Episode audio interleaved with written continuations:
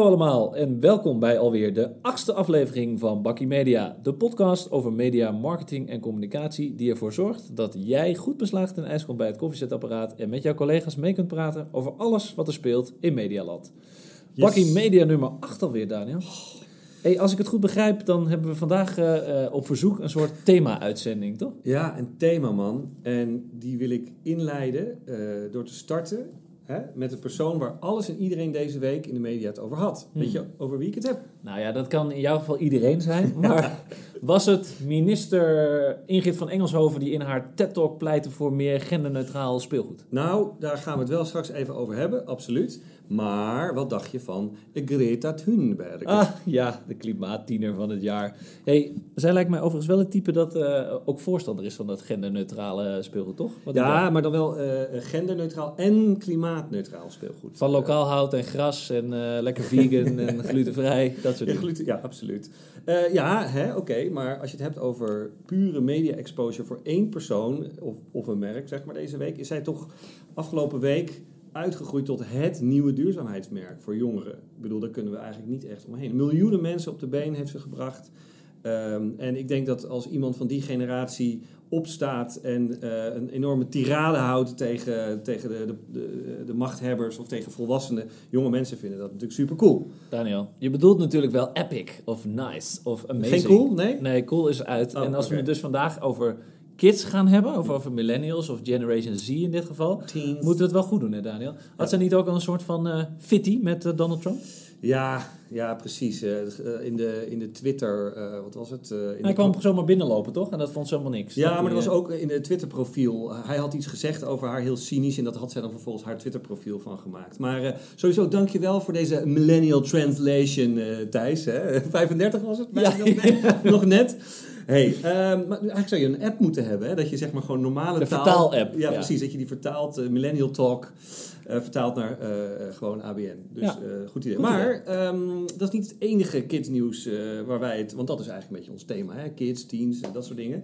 We gaan het ook nog hebben over de nieuwe Mario Kart mobiele Ik heb hem gedownload, Ja. ik heb hem gespeeld. Ja. Check de show notes voor een mooie foto van, van Thijs met de app. Ja. We gaan het nog hebben over een bijzondere campagne van Burger King tegen kinderkanker.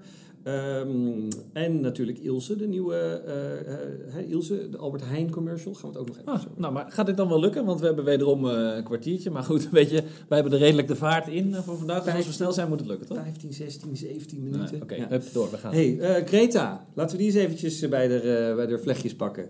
Ehm, Dat zal ze ook leuk vinden, dit. Nee, Komt ook, het is gelukkig dat ze geen Nee, ik Nederlands denk kan. dat ik dan in de, gevangen- dat ik in de gevangenis beland. Maar als we dit nou even bekijken vanuit de media, PR. Eh, dan was dit eigenlijk toch wel echt een dikke, dikke win voor onze Zweedse G, toch? Och, wat was ze boos, hè? Maar ook over... Oh, ze wel altijd heel erg boos, vind ik. Een beetje heel- zou misschien iets met Tim Hofman moeten doen. Misschien boos, Ja, boos. in Beus. ja, Beus in Beuze. Zweden. Nou ja, ehm, ik zat te luisteren naar een column van Marcel van Rosmalen op Radio 1. En die had eigenlijk, vond ik, een hele goede vergelijking met eigenlijk toevallig een andere Zweed.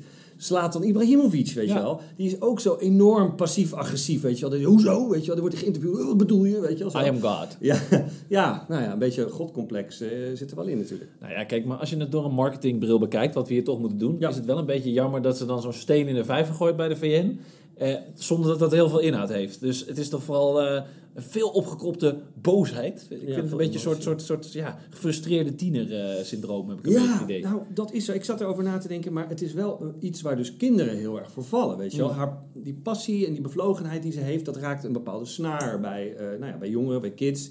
Ehm, ja, misschien zijn wij als volwassenen, ook al zijn we dan een millennial ook, hè, jij? Ik, ik ben ja, precies. Ook al ben jij een millennial. Je bent wel volwassen, maar misschien zijn wij als volwassenen hier niet echt een eh, doelgroep voor. Ja, maar goed, aan de andere kant, weet je, zijn wij volwassenen wel diegene die die hendel van die kolencentrale om moeten zetten. Of die ervoor gaan zorgen dat de, de vleesindustrie eh, stappen gaat maken. Dus, maar op zich eh, ben ik van mening dat ze wel iets meer doelgroepgericht zou moeten denken dan. Weet je wel, tegen wie communiceer je? Want tegen haar eigen doelgroep, ja, die is het allemaal met haar eens. Maar Ja. wij moeten wel Nee, ja, je proberen hebt te veranderen. Absoluut een, een punt. Ik bedoel, eh, daar zit dan misschien een mismatch. Eh, en daarbij, het is toch best ook een klein beetje een negatieve boodschap. En dat blijft vaak toch minder hangen bij een grote groep mensen. Mm, Ja. People are dying, you should be ashamed. Weet je wel, dat soort teksten hoorden we in haar speech. En dat klinkt toch minder dan, om even een vergelijking te maken met bijvoorbeeld Obama. Yes, we can en hope. En weet je, dat was iets Ja, waar... Oké, maar dat ben ik met je eens. Hè? Net als grab them in the pussy van Donald Trump. Dat is ook zo eentje die, eh, die lekker blijft hangen. Maar Nee. anywho, eh, een, wel een mooi voorbeeld van eh, waar jij het dan over hebt. Hè? Positive campaigning of positief eh, campagne voeren. Vond ik wel in die, in die supermooie actie van Burger King Ja. afgelopen week, toch? Absoluut. Eh, alle props naar eh, Jeroen Bakker, eh, die daar eventjes ons op tipte. En Bart Engel ook nog in de slipstream. Ehm, Burger King Argentinië, hè, die heeft op één dag lang besloten geen Whoppers te verkopen. En daar hebben ze dus advertenties... Sympathiek. Ja. Ja, precies. En, en waarom? Ehm, elke bezoeker die werd op, op die dag die in hun restaurant kwam, die werd eigenlijk actief gepromoot om naar hun concurrent McDonald's te gaan, weet je wel. En de reden eh, dat ze op die dag eigenlijk alle inkomsten lieten lopen, is omdat eh, ehm, McDonald's had een hele campagne tegen kinderkanker, hè, in de strijd tegen kinderkanker. En Mm. zij zeiden van, eh, koop nou niet die Whopper, ga nou die Big Mac halen en samen staan we sterk. En in de, show, in de show notes hebben we deze eh, campagne ook staan. Erg cool. Maar als we het dan hebben over een campagne met inhoud, dan is dit wel een, een, een voorbeeld, toch? Ik vind het, ik, persoonlijk vind ik het briljant. Ik had altijd al een voorkeur voor Burger King in plaats van McDonald's, maar dat was meer vanwege het eten.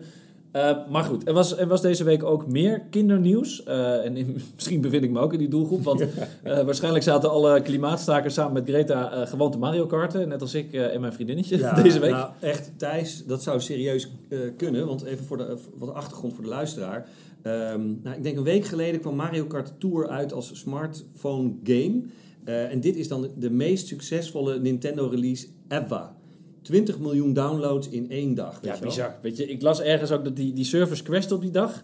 En dat is dus zelfs meer dan het befaamde Pokémon Go. Hè? Jou wel bekend eh, Ja, ja. van, van jouw zoontje Govert. Thuis. eh, Maar het, het, is dus wel weer een absolute hit voor het Japanse Nintendo. Die Ja. het de afgelopen jaren best wel zwaar had. Sinds de introductie van de Switch doen ze het best wel goed. ja, Maar even een leuke quizvraag. Laat ik nou eens even de, de rollen omdraaien. ja. Weet jij hoe lang Nintendo al bestaat, Daniel? Eh, ja eh, al die Japanse merken. eh, ja, of eh 40? Nee man, 50. 130 jaar. 100. Het is opgericht in, in 1889. Dus het is gewoon het oudste gamebedrijf in de wereld. Ik bedoel, Ik ben nog opgegroeid met Nintendo.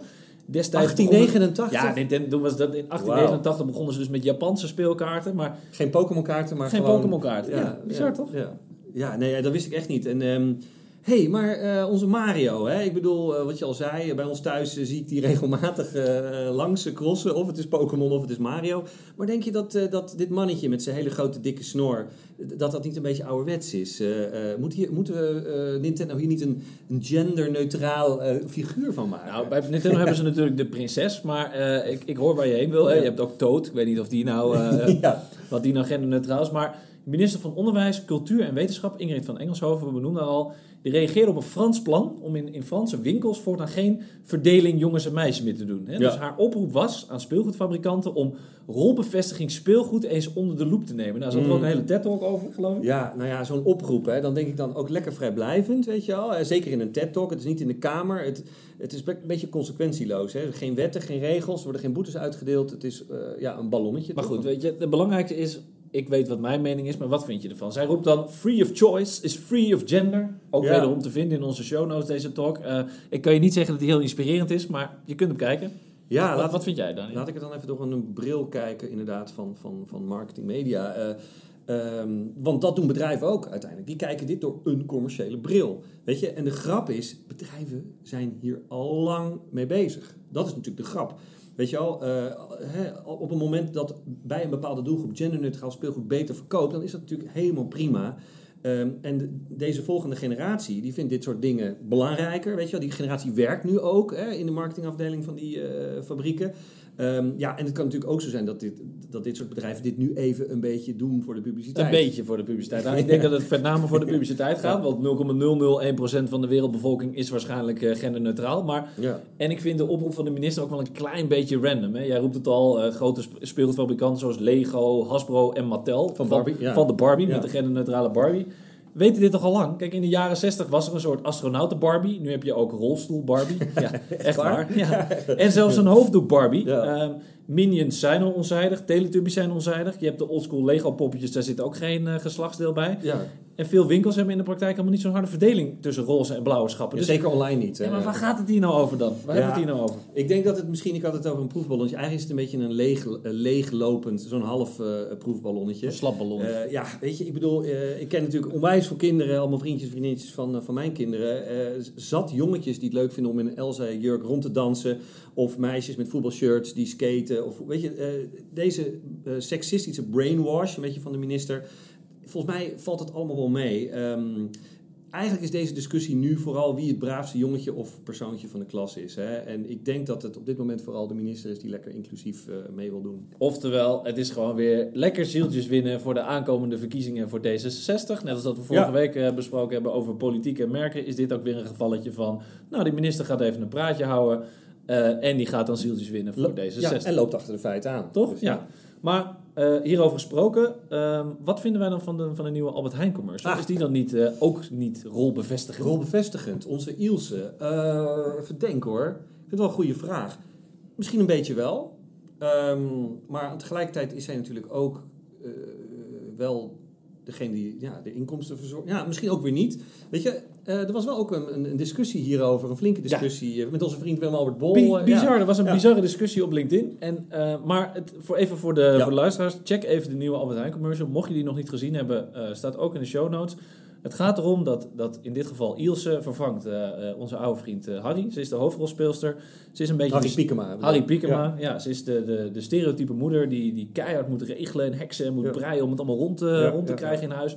Koken, schoonmaken, eten, woonwerk, druk, verkeer, kinderen naar, naar alle sport en de hele shebang. Ja. Nou ja, de grap is, is dat ze dus, wat ze eigenlijk van de Jumbo-commercial hebben overgenomen, is zo'n eh luie, naïeve, beetje flapdrol van een, eh, van een man. Hè? Weet je, die, hij kan niet koken, hij poetst zijn tanden met de kattenborstel. eh, Ja, maar weet je wat het dus ook is? Als we het dan hebben over rolbevestigingen. Nou, je zegt, kijk, Ilse regelt het wel allemaal in huis. Maar wij mannen worden ook een beetje in een, in een slecht daglicht gesteld. ja. Maar zij is wel de baas van het huis en de baas van de Albert Heijn. Ja, is het dan rolbevestigend de ene kant op of de andere kant op? Nou, nou ja, de baas van Heijn, dat zijn dus de woorden die haar zoontje op de schommel tegen het buurmeisje zegt. Hè? Over rolbevestigend gesproken. Weet je, een jonge player die probeert een, eh, een chickie eh, eh, indruk te maken op, een, op het buurchickie. Weet je, het doet me ook wel een klein beetje denken aan de, de, de McDonald's eh, ja, commercial. precies. Ja, Mijn ja. vader werkt bij Ja, precies, McDonald's. Maar goed, in dit geval blijkt baas dus te betekenen. Want wij weten allemaal dat mensen hebben geen baas. Hè? Een hond heeft een baas. Ja, De supermarktmanager van de Albert Heijn. Dus daar moet je dus trots op zijn. Ja, dus als drukke, naast drukke consument is hij ook nog inderdaad de supermarktmanager. Hey, maar ehm, ik proef bij jou wel dat je hem, eh, dat je hem wel goed vond. Ja, nou ja, eigenlijk wel. Weet je, ik vind eigenlijk dat, dat alles wat hierin moet zitten erin zit. Het leven van de doelgroep, eh, een lachende traan, een beetje variatie, herkenbaarheid. eh, toch oud en vertrouwd. Hè? De oude vertrouwde Albert Heijn, maar met een nieuw gezicht. Lekker huiselijk, lekker Hollands. Ook weer in het Ja. verlengde van, van de Heineken commercial, Ja, van nee, biertje die, die teruggekomen is. Dus dicht bij huis. Maar ik proef bij jou dat je toch een beetje eh, twijfelt. Nou, ik, ik volg je. Hè. Ik, ik vond hem entertaining, absoluut goed gemaakt. Ik zag ook die herkenbaarheid, dat dicht bij huis, dat zag ik ook.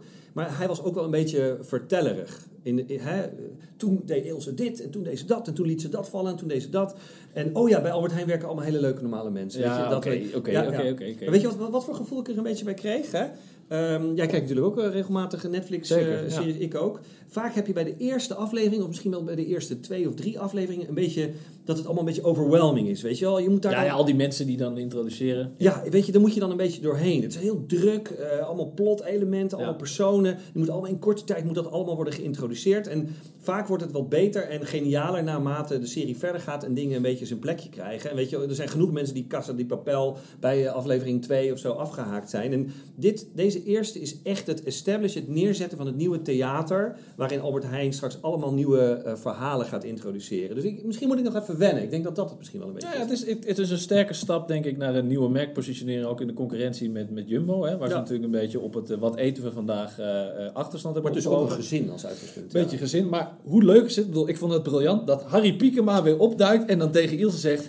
Hey, kan ik, dat Ilse zegt tegen Harry, hey, kan ik je helpen?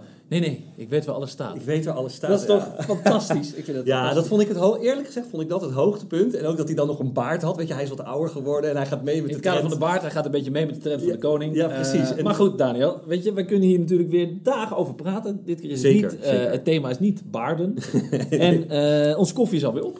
Koffie is op. Hé, hey, maar dan, hey, dan moeten we naar de supermarkt om nieuwe te halen, toch? Eh, En uiteraard moeten we dan wel zorgen dat die koffie klimaat en neutraal, eh, klimaatneutraal en genderneutraal gemaakt is, toch? en leuk voor kinderen. En leuk voor kinderen. nou, deal. Oké. Dames en heren, dit was Bakkie Media weer voor eh, deze week. We hopen dat jullie volgende week weer luisteren. Dank jullie wel voor jullie aandacht. En Hoi. tot later.